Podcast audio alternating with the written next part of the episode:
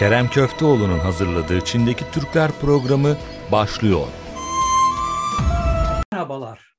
Doğudaki tanıtım elçilerimiz Çin'deki Türkler programında bugün eğlence sektöründe önemli yatırımları bulunan Oytun Ergün'le birlikteyiz. Oytun Bey, rica etsem öncelikle bize biraz kendinizi tanıtır mısınız? Çin'e ne zaman, niçin gittiniz? Buyurun. Merhabalar, iyi yayınlar. Ben Oytun Ergun, e, Çin'de 2006 yılından beri ikamet etmekteyim. E, Türkiye'de 2004 yılında e, Başkent Üniversitesi İthalat İhracat bölümünü bitirdikten sonra farklı bir ülkede kendi okuduğum bölümle ilgili bir şeyler yapmak istedim. Tabii o dönemlerde Çin biraz daha böyle artık yavaş yavaş revaçta geçmiş. dünya pazarını kavurmaya başlamıştı. Dedik o zamanlar bir bakalım Çin'de neler oluyor, neler bitiyor bir de gözlerimizle görelim dedik. 2006'nın e, Eylül 1 gününde buraya Çin'e geldim, Şangay şehrine. O zamanlar hem e, e, ithalat, ihracatla ilgili neler yapabilirim koştururken aynı zamanda Çince eğitimi almak istedim. 2006-2008 yıllarında e, Çince eğitimi aldıktan sonra burada e, bazı firmalarda e, bir staj şansım oldu. Daha sonra 2008 yılında burada kendi ithalat ihracat şirketimizi kurduk. Ee, devam ediyoruz. 15 seneyi doldurduk. Ee, her şey yolunda. Ee, yanılmıyorsam evet. siz e, bu danışmanlık şirketi OMC adlı şirketi kurdunuz. Birincisi bu OMC'nin evet. bir açılımı var mı? İkincisi hangi alanda ne tür danışmanlık hizmetleri veriyorsunuz? OMC'nin açılımı var. Kendi ortağım var. O Cihan Bey. Benim kendi baş harfim. Onun kendisinin baş harfi. O zamanlar ilk kurulduğumuzda tabii bir, bir üçüncü ortağımız vardı. Şu anda kendisi bizimle değil. Yani baş harflerimizi koyduk diyelim. Onun haricinde biz 2006'da 2008'de geldiğimizde tabii birçok alanda hizmet vermek istedik. Çünkü o zamanlar Çin biraz daha bakiydi. Aslında çok da baki değildi ama gene de birçok şirketler e, henüz bilmiyorlardı. O dönemlerde hem kırtasiye hem otomotiv hem reklam hem ham madde e, inşaat, makina sektörlerinde hizmet verdik. Genelde şu şekilde çalışıyorduk. Firmalarımız bize bir e, ürün istiyordu. Bu ürünleri farklı firmalardan e, bulup onların e, aldığımız numunelerle birlikte numune trafiğini düzenleyip sipariş verilmesi durumunda firmalara, fabrikalara gidip son kontrollerimizi yapıp bunları malları kontre, konteynerlere yükleyip Türkiye'ye ulaşmasını sağlıyorduk. Bu bağlamda bazen firmalar bizden mal bulunması rica ediyorlardı. Bazen ellerindeki ürünle ilgili burada ürün yaptırıyorlardı. Bazen de e, kendi firmalarına sipariş verdik veriyorlar.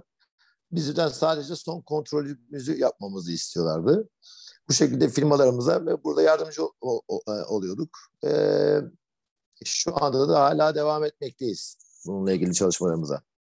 Ee, sizinle daha önce China Today dergisinde yaptığım röportajda evet. güzel bir söz söylemiştiniz. Şunu demiştiniz. E, Türk girişimciler küçük bir hata yaptılar mı bunun zararını çok çok büyük bir şekilde ödüyorlar. Bunu biraz açar mısınız? Nedir o hata derken neyi kastediyorsunuz? Aslında burada bunun bir açılımı da şöyle bir şey vardı. O zaman tabii e, özellikle e, Çin mallarında çok büyük farklı kaliteler vardı. Yani e, aynı ürünü farklı fiyatlara, farklı kalitelerde bulabiliyordunuz. O yüzden bir de buna ben ek olarak şunu söylüyordum. Aslında kötü e, Çinli e, üretici yoktur, kötü ithalatçı vardır da diyordum aynı zamanda. Çünkü buraya ne yazık ki Türkler gelip daha ucuz e, olsun diye kötü malları da tercih edebiliyorlardı. Bu da Türk Çin'de, Türkiye'de Çin malları ile ilgili Çin malları kalitesiz, Çin malları kötü gibi bir izlenim de bırakıyordu ama aslında ki burada şey bizim ithalatçımız kötüydü. Çünkü bizim ithalatçımız buraya gelip kötü malları alıyordu. E, ürünler seçiyordu.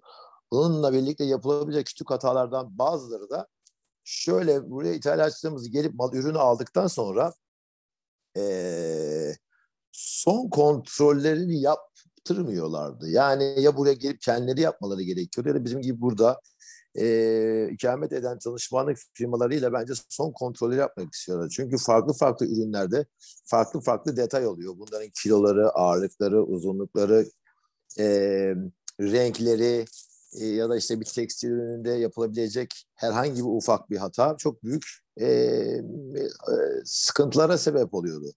Tabii biz de bu sıkıntıları gördük, çok fazla derece duyduk. Bunlarla ilgili birçok mailler aldık, sıkıntılar gördük. Ve dedik ki yani bir mal veya Türkiye'den çıkmadan önce kesin ve bir, bir şekilde son kontrolün yapılması gerekiyor. İşte biz son kontrole gittiğimiz zaman o zamanlar Skype ya da MSN üzerinden çalıştığımız firmalara o an bağlanıp canlı olarak yaptığımız denetimimizi beraber yapıyorduk. Hem biz biz e, sıkıntı yani hata yapma şansımız kalmıyordu. Hem de o sırada müşteriyle beraber bir organik bir şekilde yaptığımız için onların da kafasında bir soru işareti kalmıyordu. Bu, bu bağlamda e, e, konteyner mallar Türkiye'ye geldikten sonra kafalarında yani rahatı çünkü zaten her şey beraber e, transparan bir şekilde açık bir şekilde bitmiş oluyordu. Bu bağlamda e, 2008'den beri aktif bir şekilde hala buradaki şirketlerimize e, bu e, son, malın bulunması, e, e, numune yaptırımı, firma fabrika denetimi, mal kontrolü gibi hizmetlerimize devam ediyoruz. Hı hı. Çin'e ilk gittiğinizde şaşırdığınız, unutamadığınız bir anınız var mı? Böyle bir anınız varsa bizimle paylaşırsanız sevinirim. Çin'e geldiğimizde tabii birçok adımız oldu. Doğal olarak Türkiye'den Çin'e geldiğimiz için daha farklı bir ülke, farklı bir kültür. Bizi şaşırtan çok şey oldu. Ama herhalde en çok şaşırdıklarımdan bir tanesi ilk geldiğimiz senelerde biliyorsunuz e, Çin'de ay takvimi kullanılıyor. O yüzden bunların takvimimize göre farklı. Doğal olarak da Çin, yeni yılları da farklı. Bu Çin yeni yıl tatillerinde e, burada inanılmaz bir görsel şov oluyor. Her yerde havai fişekler patlıyor. Tabii bütün Şangay gökyüzü havai fişekler patlıyor falan filan. Biz de ağzımız açık seyrettik. Ben bu kadar havai fişeği görmedim. Bir şehrin bütün ışıklandırılması olduğunu. Fakat sıkıntı şurada oldu. Hava fişekler sabaha kadar patladı. yani sabahın 7'sinde, 8'inde, 9'unda havada bir karanlık yok. Hala pat pat pat pat pat pat. Her yerde havai fişekler. Uyku uyumanın ihtimali yok. Tabii burada Şangay'da hep e, büyük siteler var. E, yani burada 3 bin kişilik, 5 bin kişilik hatta benim kendi oturduğum bu site 240 bin kişilik Şangay'ın en büyük sitesi. Her yerde havai fişekler patlıyor. Sabah 9 oldu, 10 oldu. Uyuma ihtimali yok. Tabii orada sonradan öğrendik. Aslında burada patlanan havai fişeklerin bir görsel şov ya da bir kutlama amaçlı değil. Aslında kendi inanışlarına göre kötü ruhları temizleyip kötü ruhlardan arınma olarak gördükleri için onlar için gündüz olmuş, akşam olmuş havai fişeklerini patlatmanın pek de bir farkı yoktu yani. O yüzden bunu birazcık garipsemiştim. Şey, garibime gitmişti ilk geldiğimde. Ee, evet. Son olarak Şanghay'da e, Selya adlı e, gece kulübü açtınız. Birincisi bu Selya'nın bir anlamı var mı? İkincisi siz danışmanlık e, hizmeti veren, bu konuda çalışmalar yapan biriyken nasıl oldu da eğlence sektörüne yöneldiniz? Yani bu eğlence sektörüne yönelmenizin altında yatan motivasyon neydi? Türkiye'de üniversitede okurken bu tarz bazen böyle üniversite partileri kendi başkent üniversitesinde okuduğumuz okulun e, e, o zamanki mezuniyet törenini falan düzenlemiştik. Aynı zamanda böyle küçük üniversite partileri yapıyorduk o zamanlar. Her zaman bir ilgim vardı. E, burada da Şangay'da e, bunun Şangay'da inanılmaz büyük bir potansiyel olduğunu gördük. Tabii 25 milyonluk şehir ve çok farklı e, e, müzik türlerinde ve hizmet veren irili ufaklı birçok kulüpler var. Ama hakikaten buradaki kulüp potansiyelini ve büyüklüklerini görünce ağzımız açık kaldı. Yani Şangay'da çok büyük. Yani Çin'de genel olarak var ama tabii Şangay bunun büyük şehir olarak daha önde gelenlerinden bir tanesi. Yaklaşık 2016 yılında bir bir, bir tane kulüpte bir yatırım yapmak istedik. Bir ürün ufaklı belki bir e, bir yatırımcı olarak. O sıradaki benim yatırım yapacağım kulüpteki arkadaşlarım beni durdurdu. O kulübün şu anda sıkıntılı olduğunu, orada yatırım yapmanın çok mantıklı olmadığını ama biraz belli bir zamandan sonra e, beraber kulüp açabileceğimizi söylemişlerdi. Ben de o, o dönemde bizim işte birkaç arkadaşımızla birlikte yeni bir kulüp açtık. Silya isminde. O zamanki ortağımızın e, eşi daha doğrusu nişanlısı e, vefat etmişti. Biz de onun anısına, onun anısını tutmak için sevdiğimiz de bir arkadaşımızdı. Onun ismini can tutmak için Silya ismini koyduk. E, kendisinin ismi Silya'ydı ama baktığımız zaman Silya'da Yunan mitolojisinde bu dalgalarla birlikte oluşan e, köpüklerden oluş bir sevgi oluşuyor. Ve bu sevgide ismine de Silya koymuşlar. Zaten logomuzda da böyle su mineral şeklindedir. O, oradan esinlenerek öyle yapmıştık. Daha sonra ortaklarımızı açtık kulübümüzü. daha onlarla pek anlaşmadık. Yolumuzu farklı çizdik. Şu anda tek Türk kulübü olarak e, bir ortam e, ortağımızla birlikte bir Türk arkadaşımla birlikte yolumuza devam ediyoruz. Silya Akademi'de e, farklı bir konsept var. Bu konsepti biraz anlatır evet. mısınız? Ve bu konsepti yaratırken bir yerden ilham mı aldınız yoksa tamamıyla sizin kendi kendinize geliştiğiniz bir şey mi? Aslında e, evet farklı bir konsept yarattık dedik. Aslında bize benzeyen kulüpler vardı ama biz bunu biraz daha ileriye seviye taşımak istedik. E, Silya Academy Club bir after party kulübü. Yani after party insanlar geceliğin nereye giderlerse gitsinler, ne tarz müzik dinlerse dinlesinler.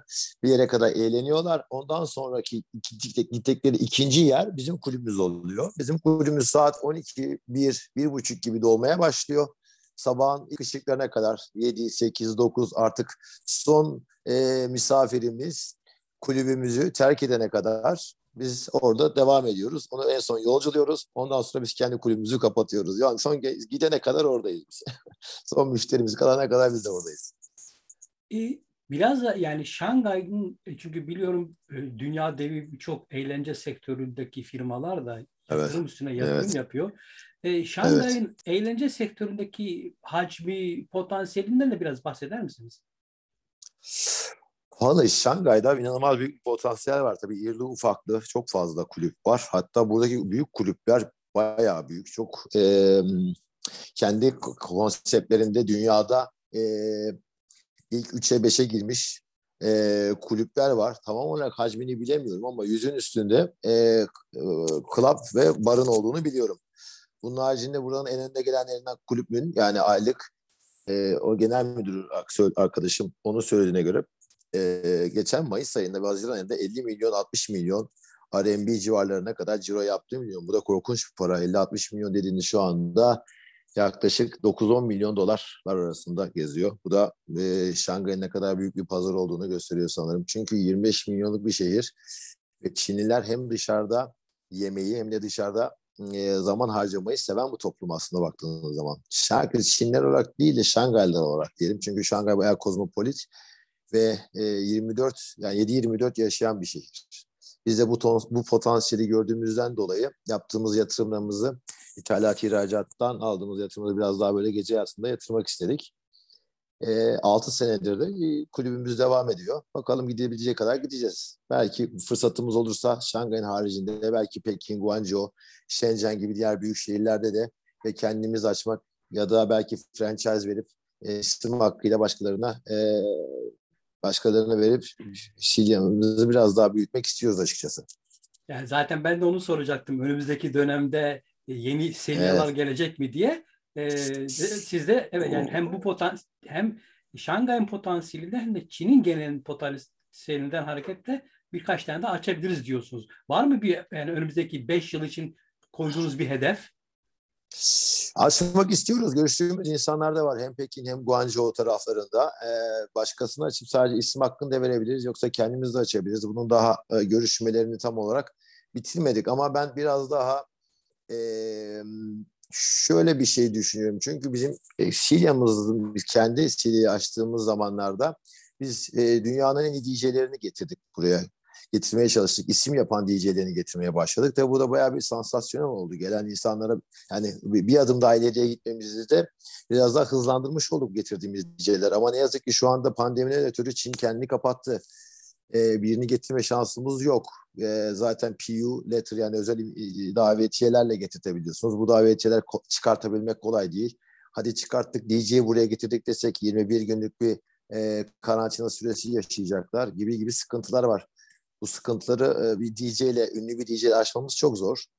O yüzden biraz daha böyle çok fazla acele etmeden e, devam ediyoruz. Tabii ki önümüzdeki 5 sene içerisinde böyle bir fikrimiz var ama şu anda bir bakalım önümüzdeki süreçte 2022-2023'te Çin neler olacak? Ya da farklı bir anlaşmayla farklı birisini buluruz. Gün doğmadan neler doğar o zaman tabii neden olmasın ama biraz daha böyle yurt dışından gelecek DJ'lerle bir şeyleri hızlandırmakta ya da e, desteklemekte yarar var diye düşünüyorum. Hali hazırda e, zaten kendi kanalımız var WeChat'te ve çok popüler evet. bir mekan. Hatta e, evet. biliyorum orada çok ünlüleri de ağırladınız. Biraz da bundan da bahseder misiniz lütfen? Evet daha önceden bir WeChat kanalımız var. Bu WeChat kanalında birçok takipçimiz var. Aynı zamanda Instagram kanalımız ve Facebook kanalımız da var. Tabii Çin'de biraz daha e, WeChat popüler olduğundan dolayı WeChat'e biraz daha ağırlık veriyoruz. Eskiden biraz daha böyle bir underground e, kulüptük. Şimdi orayı kapattık. Başka bir yere taşındık. Biraz daha büyük bir yere, geniş bir yere geçelim dedik. Biraz daha merkezi bir yere geçelim dedik. E, bunu yaparken de dediğim gibi daha önceden e, dünyada isim yapmış festivallerde ya da büyük kulüplerde çalışmış DJ'leri buraya ağırlama şansımız oldu. Bunlarla birlikte e, daha önceden tabii sadece kendi çaldırdığımız değil ama Çin'e gelen e, ünlü misafirlerimiz de oldu. Bunlar da Sicilya'ya gelip görmek istediler. E, şu anda dediğim gibi yani bir sıkıntımız yok. E, insanlar seviyor. Biz de onları seviyoruz. Bir aile gibi olduk diyelim. Yani artık insanlar bir insan tek başına bile otururken şöyle bir şey oldu ki bu bizi en çok mutlu eden bir şey.